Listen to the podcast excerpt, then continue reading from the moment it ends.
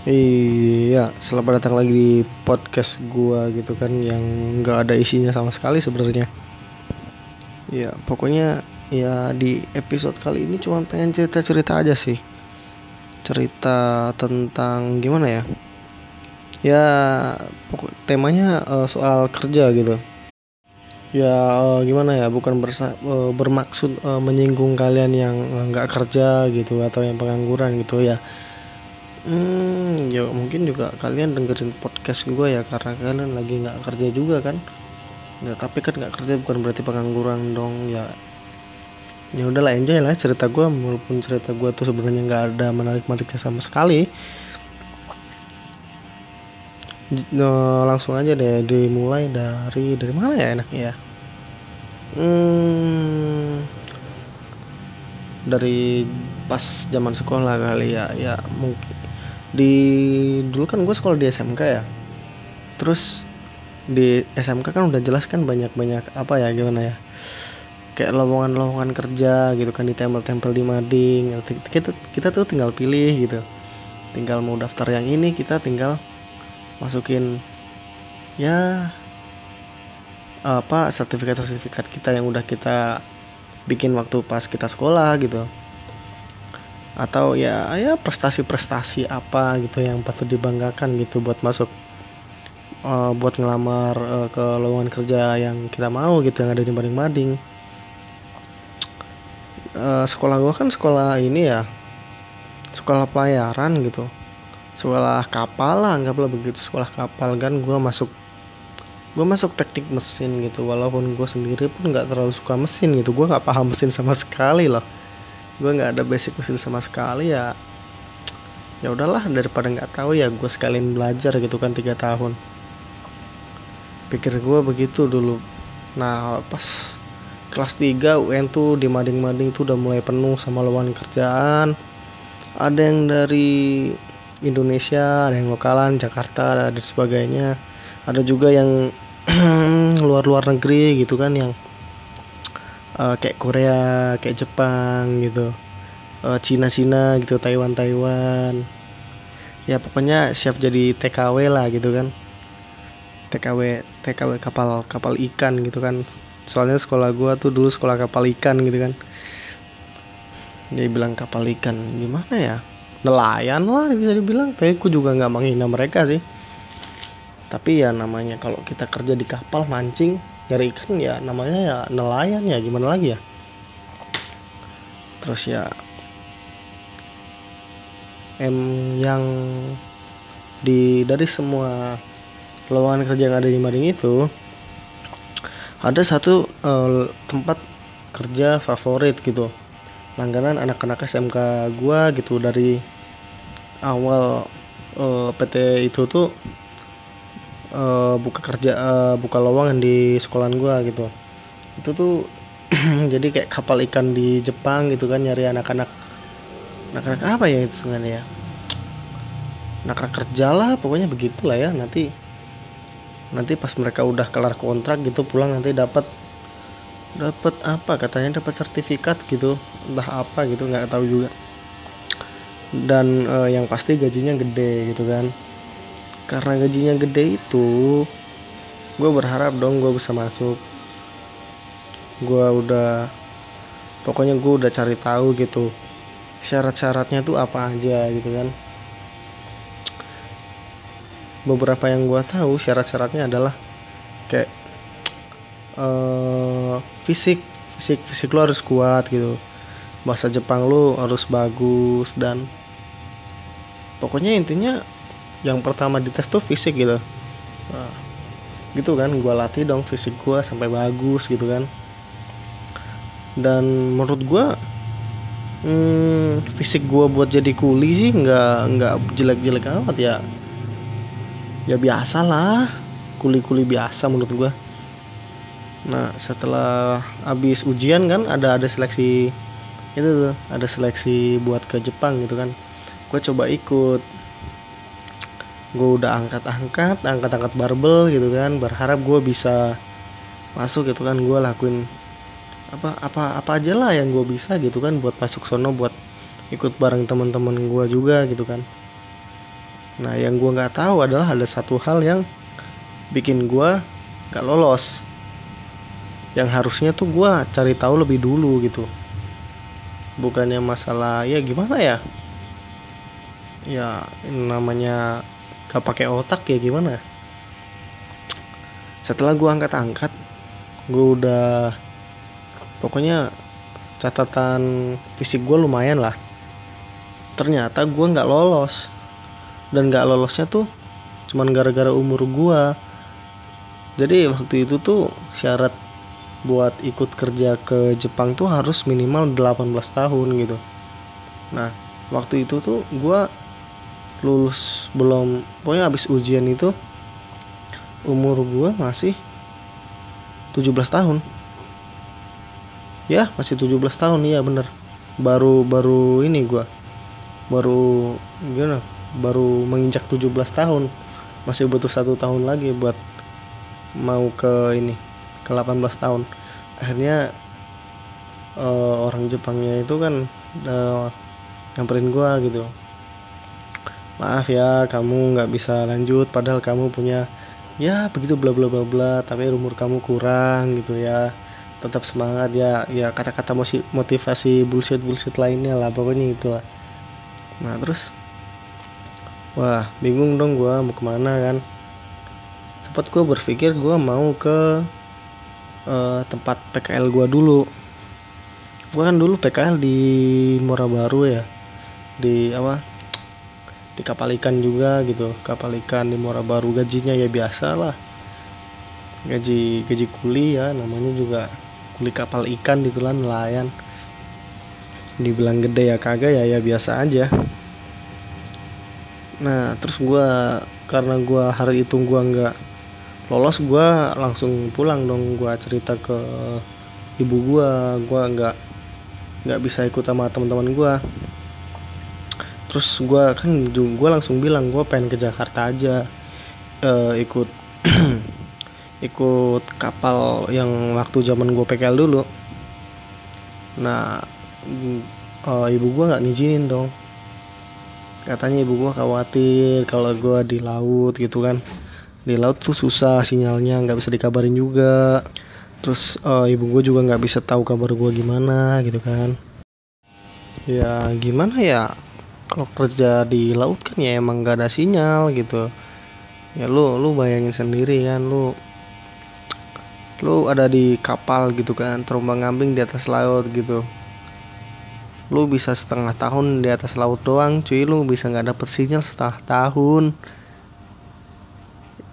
Gimana coba? Ya itulah kenapa orang tua gue khawatir sama gue gitu ya gue seneng juga gitu orang tua gue masih mengkhawatirkan gue gitu kan walaupun ya gitulah. Terus eh, bapak gue ada saran gitu kenapa gimana kalau eh, gue ikut bapak gue gitu kerja. Satu bos cuman beda perusahaan. Eh, jadi katanya paling di sono nanti kerja jadi mekanik gitu kan wah pikir gue kan jadi mekanik. Wow. Uh, gimana ya se sejurusan gue juga gitu sejalan sama sekolah gue pikir gue sih begitu.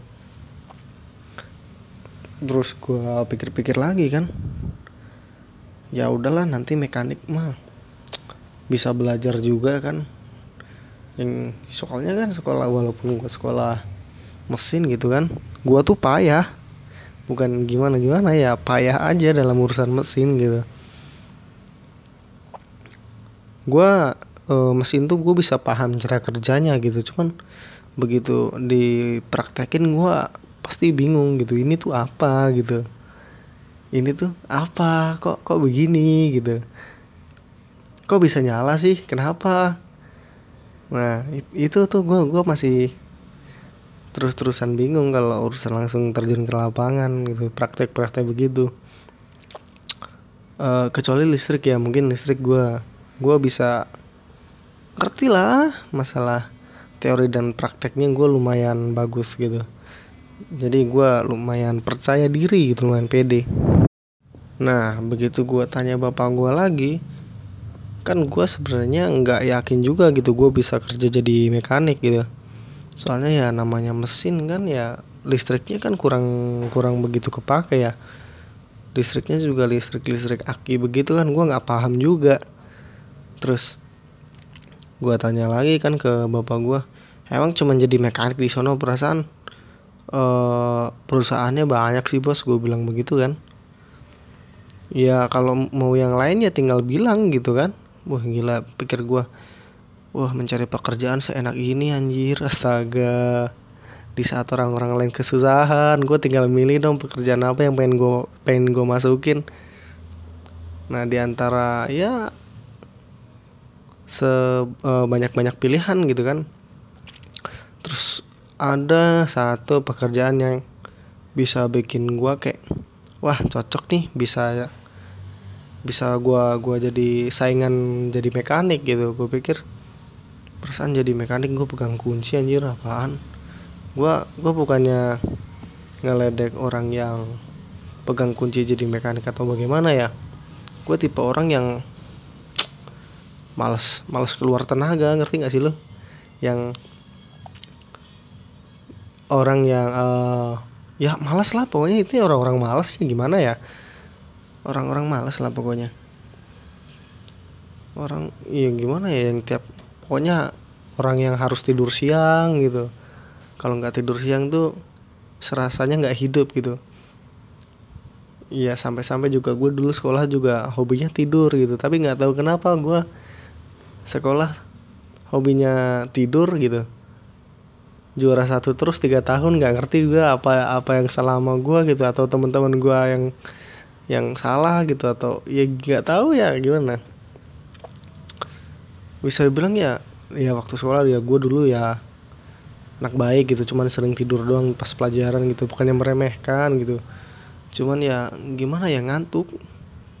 Ngantuk aja begitu duduk di kursi kelas gitu terus ngantuk terus tidur gitu.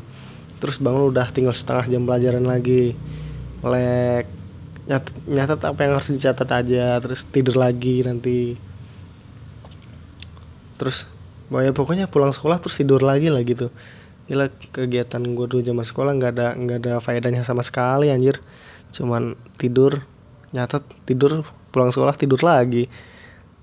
Habis itu membantu orang tua ya. Gue kan anak baik jadi membantu orang tua.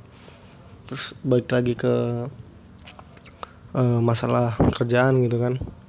Jadi kerjaan ini tuh kayak cuman gimana ya ngurus dokumen ekspor gitu ngurus dokumen ekspor uh, ngatur duit pokoknya gitulah ya. Terus gua gua tanya-tanya lebih dalam kan katanya emang cuman uh, ngantar-ngantar duit jalan gitu. Ngantar-ngantar surat jalan gitu. Wah perasaan. Terus kalau nggak ada kerjaannya uh, layah-layah apa sih layah-layah ya, nyantai lah pokoknya nyantai boleh tidur boleh apa terserah gitu kan. Hanya gue pikir kok ada ya pekerjaan seperti ini dan digaji? gitu pikir gue terus hmm, gue coba pikir-pikir kan mekanik atau kerjaan ini ya gue bingung gitu kan. Ya udahlah gue gue pikirin nanti aja kan. Beberapa bulan beberapa minggu kemudian gitu kan uh, ada uh, acara perpisahan gitu kan. Nah di acara perpisahan itu udah tuh gue gue ikut perpisahan. Uh, udah kelar perpisahan foto-foto udah balik. Besok paginya gue langsung berangkat ke Tangerang. Langsung gue gue nggak tunggu lama-lama gue besok paginya langsung uh, langsung ke Tangerang gue langsung ke tempatnya si bos gitu gue langsung menghadap pokoknya ke sama yang mulia gue langsung menghadap lah.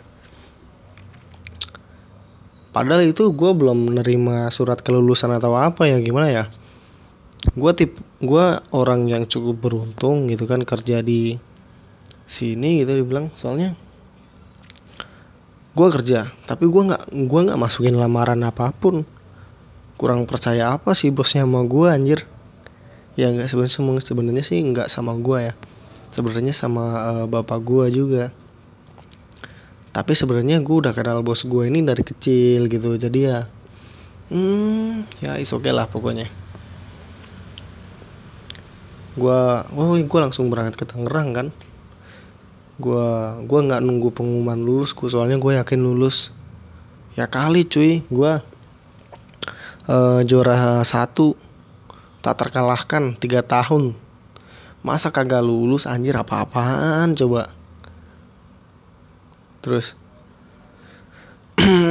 tiga hari gue nggak diapa-apain kan gue dicuekin di kantor gitu gue nggak ngerti apa-apa gue cuman pelongo-pelongo aja.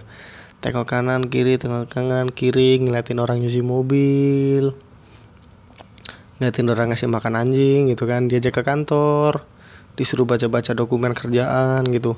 Waduh perasaan kok tidak sesuai ekspektasi gue gitu astaga ini semua salah bapak gue yang karena ini semua salah bapak gue gitu perasaan. Gara-gara salah membangun ekspektasi ya gimana ya?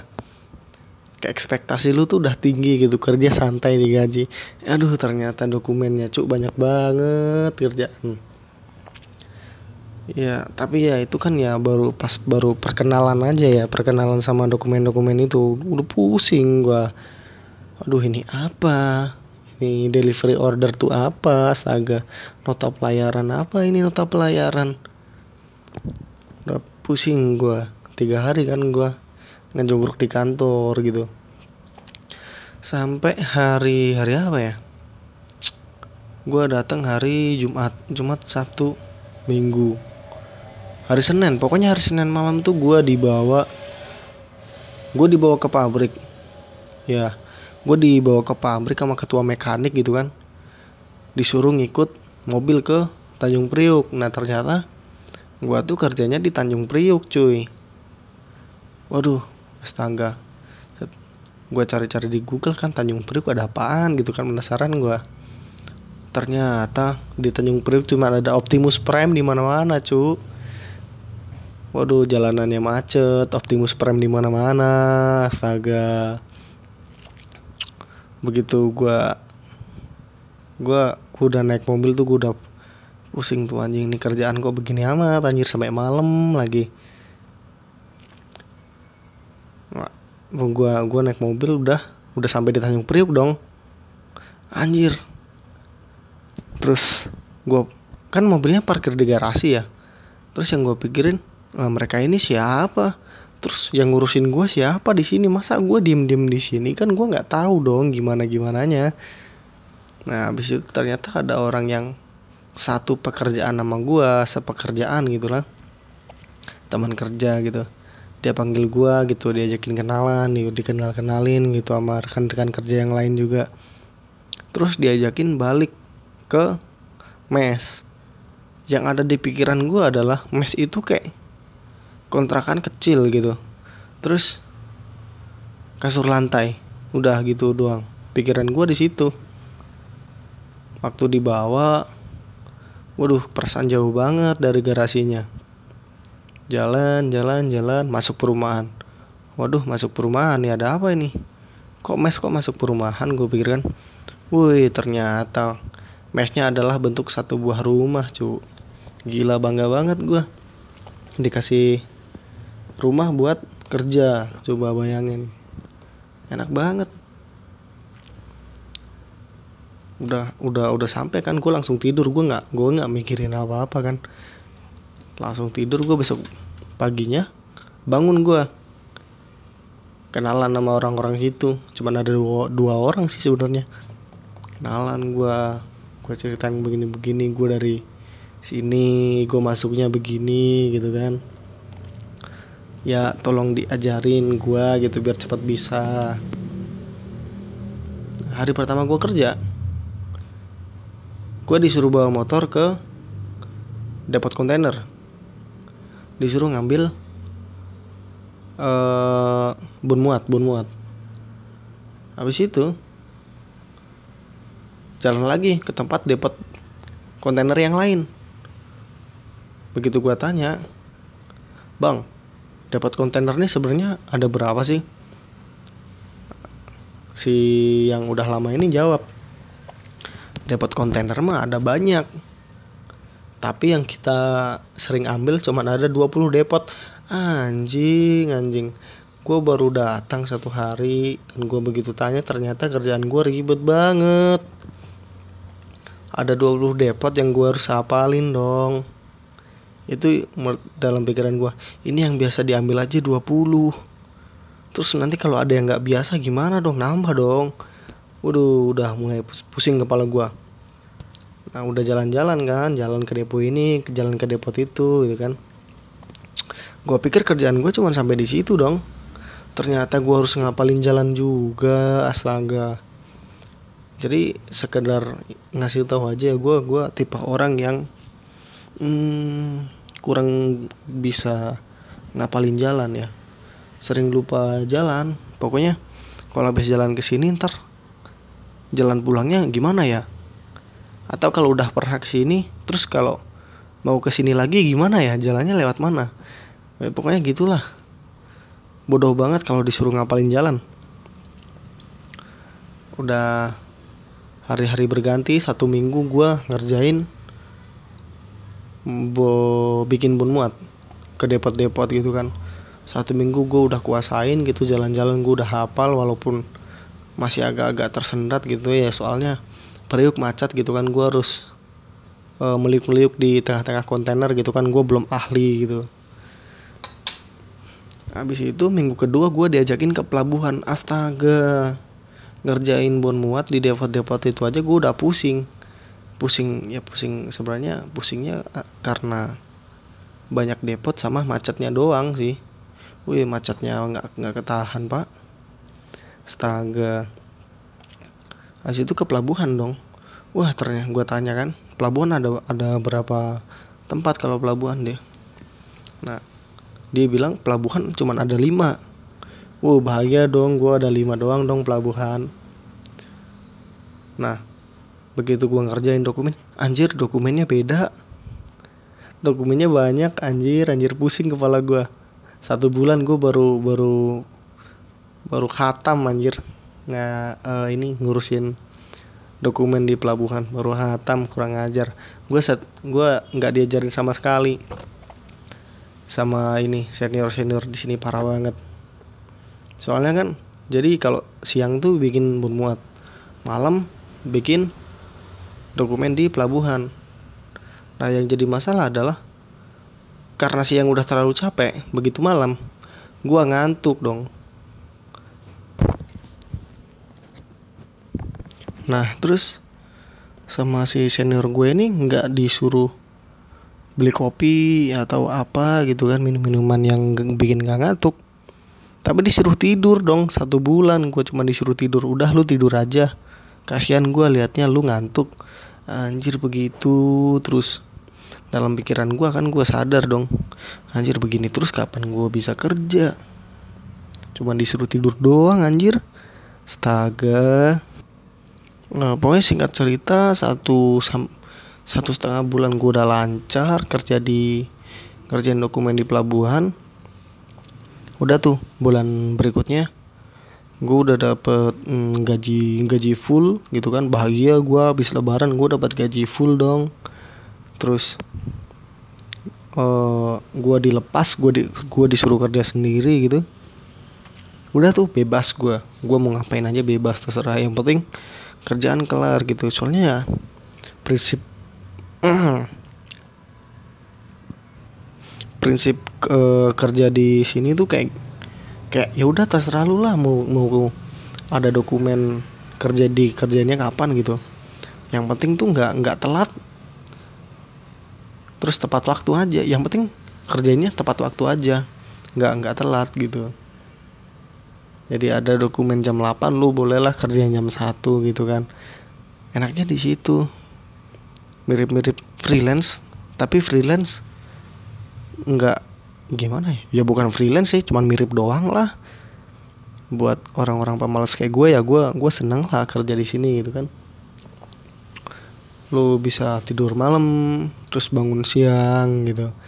Bangun siang tahu-tahu makan mandi terus kerja. Udah gitu doang.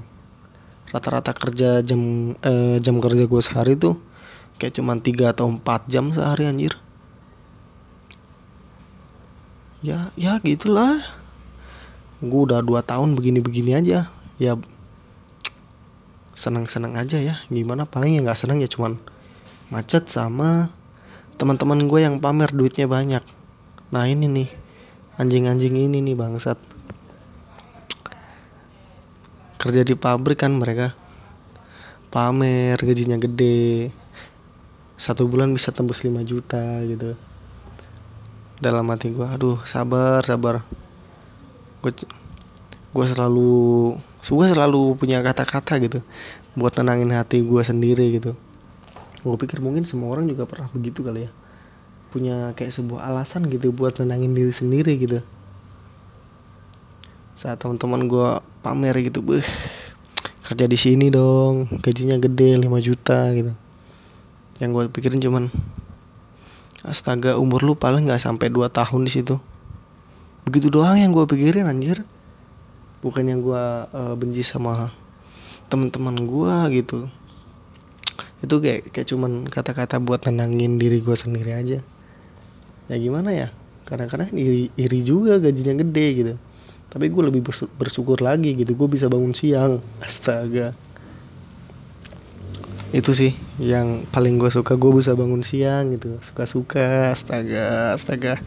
Gila kerja di mana lagi? Jam jam 12 yang baru bangun mandi terus makan. Kerja jam 3 sore jam 6 balik. Kalau masalah duit ya duit nggak jauh beda lah mereka. Kalau iri ya pasti semua orang kerja pernah iri gitu. Pengen gitu kayak dia tapi sebenarnya tuh juga dia tuh pengen gitu kayak kita. Begitu aja terus nggak ada habisnya. Ya ya paling ya begitu doang sih. Iri sama temen. Terus kalau dipamer-pamerin ya duit gitu. Sebenarnya gue juga bisa pamer duit sih. Rata-rata tiap hari gue bisa pegang 15 juta. Serius gue 15 juta gue bisa pegang tiap hari. Tapi duit kantor sih duit gue mah gak ada gue miskin. Sementara ini ya sementara ini. Gue berharap gue bisa jadi orang kaya juga. Ya kita semua juga berharap jadi orang kaya. Ya udahlah ya amin pokoknya. Hmm, ya udahlah mungkin segitu aja kali ya. Udah kepanjangan sih menurut gue juga. Ya udahlah ya gitu aja. Oke makasih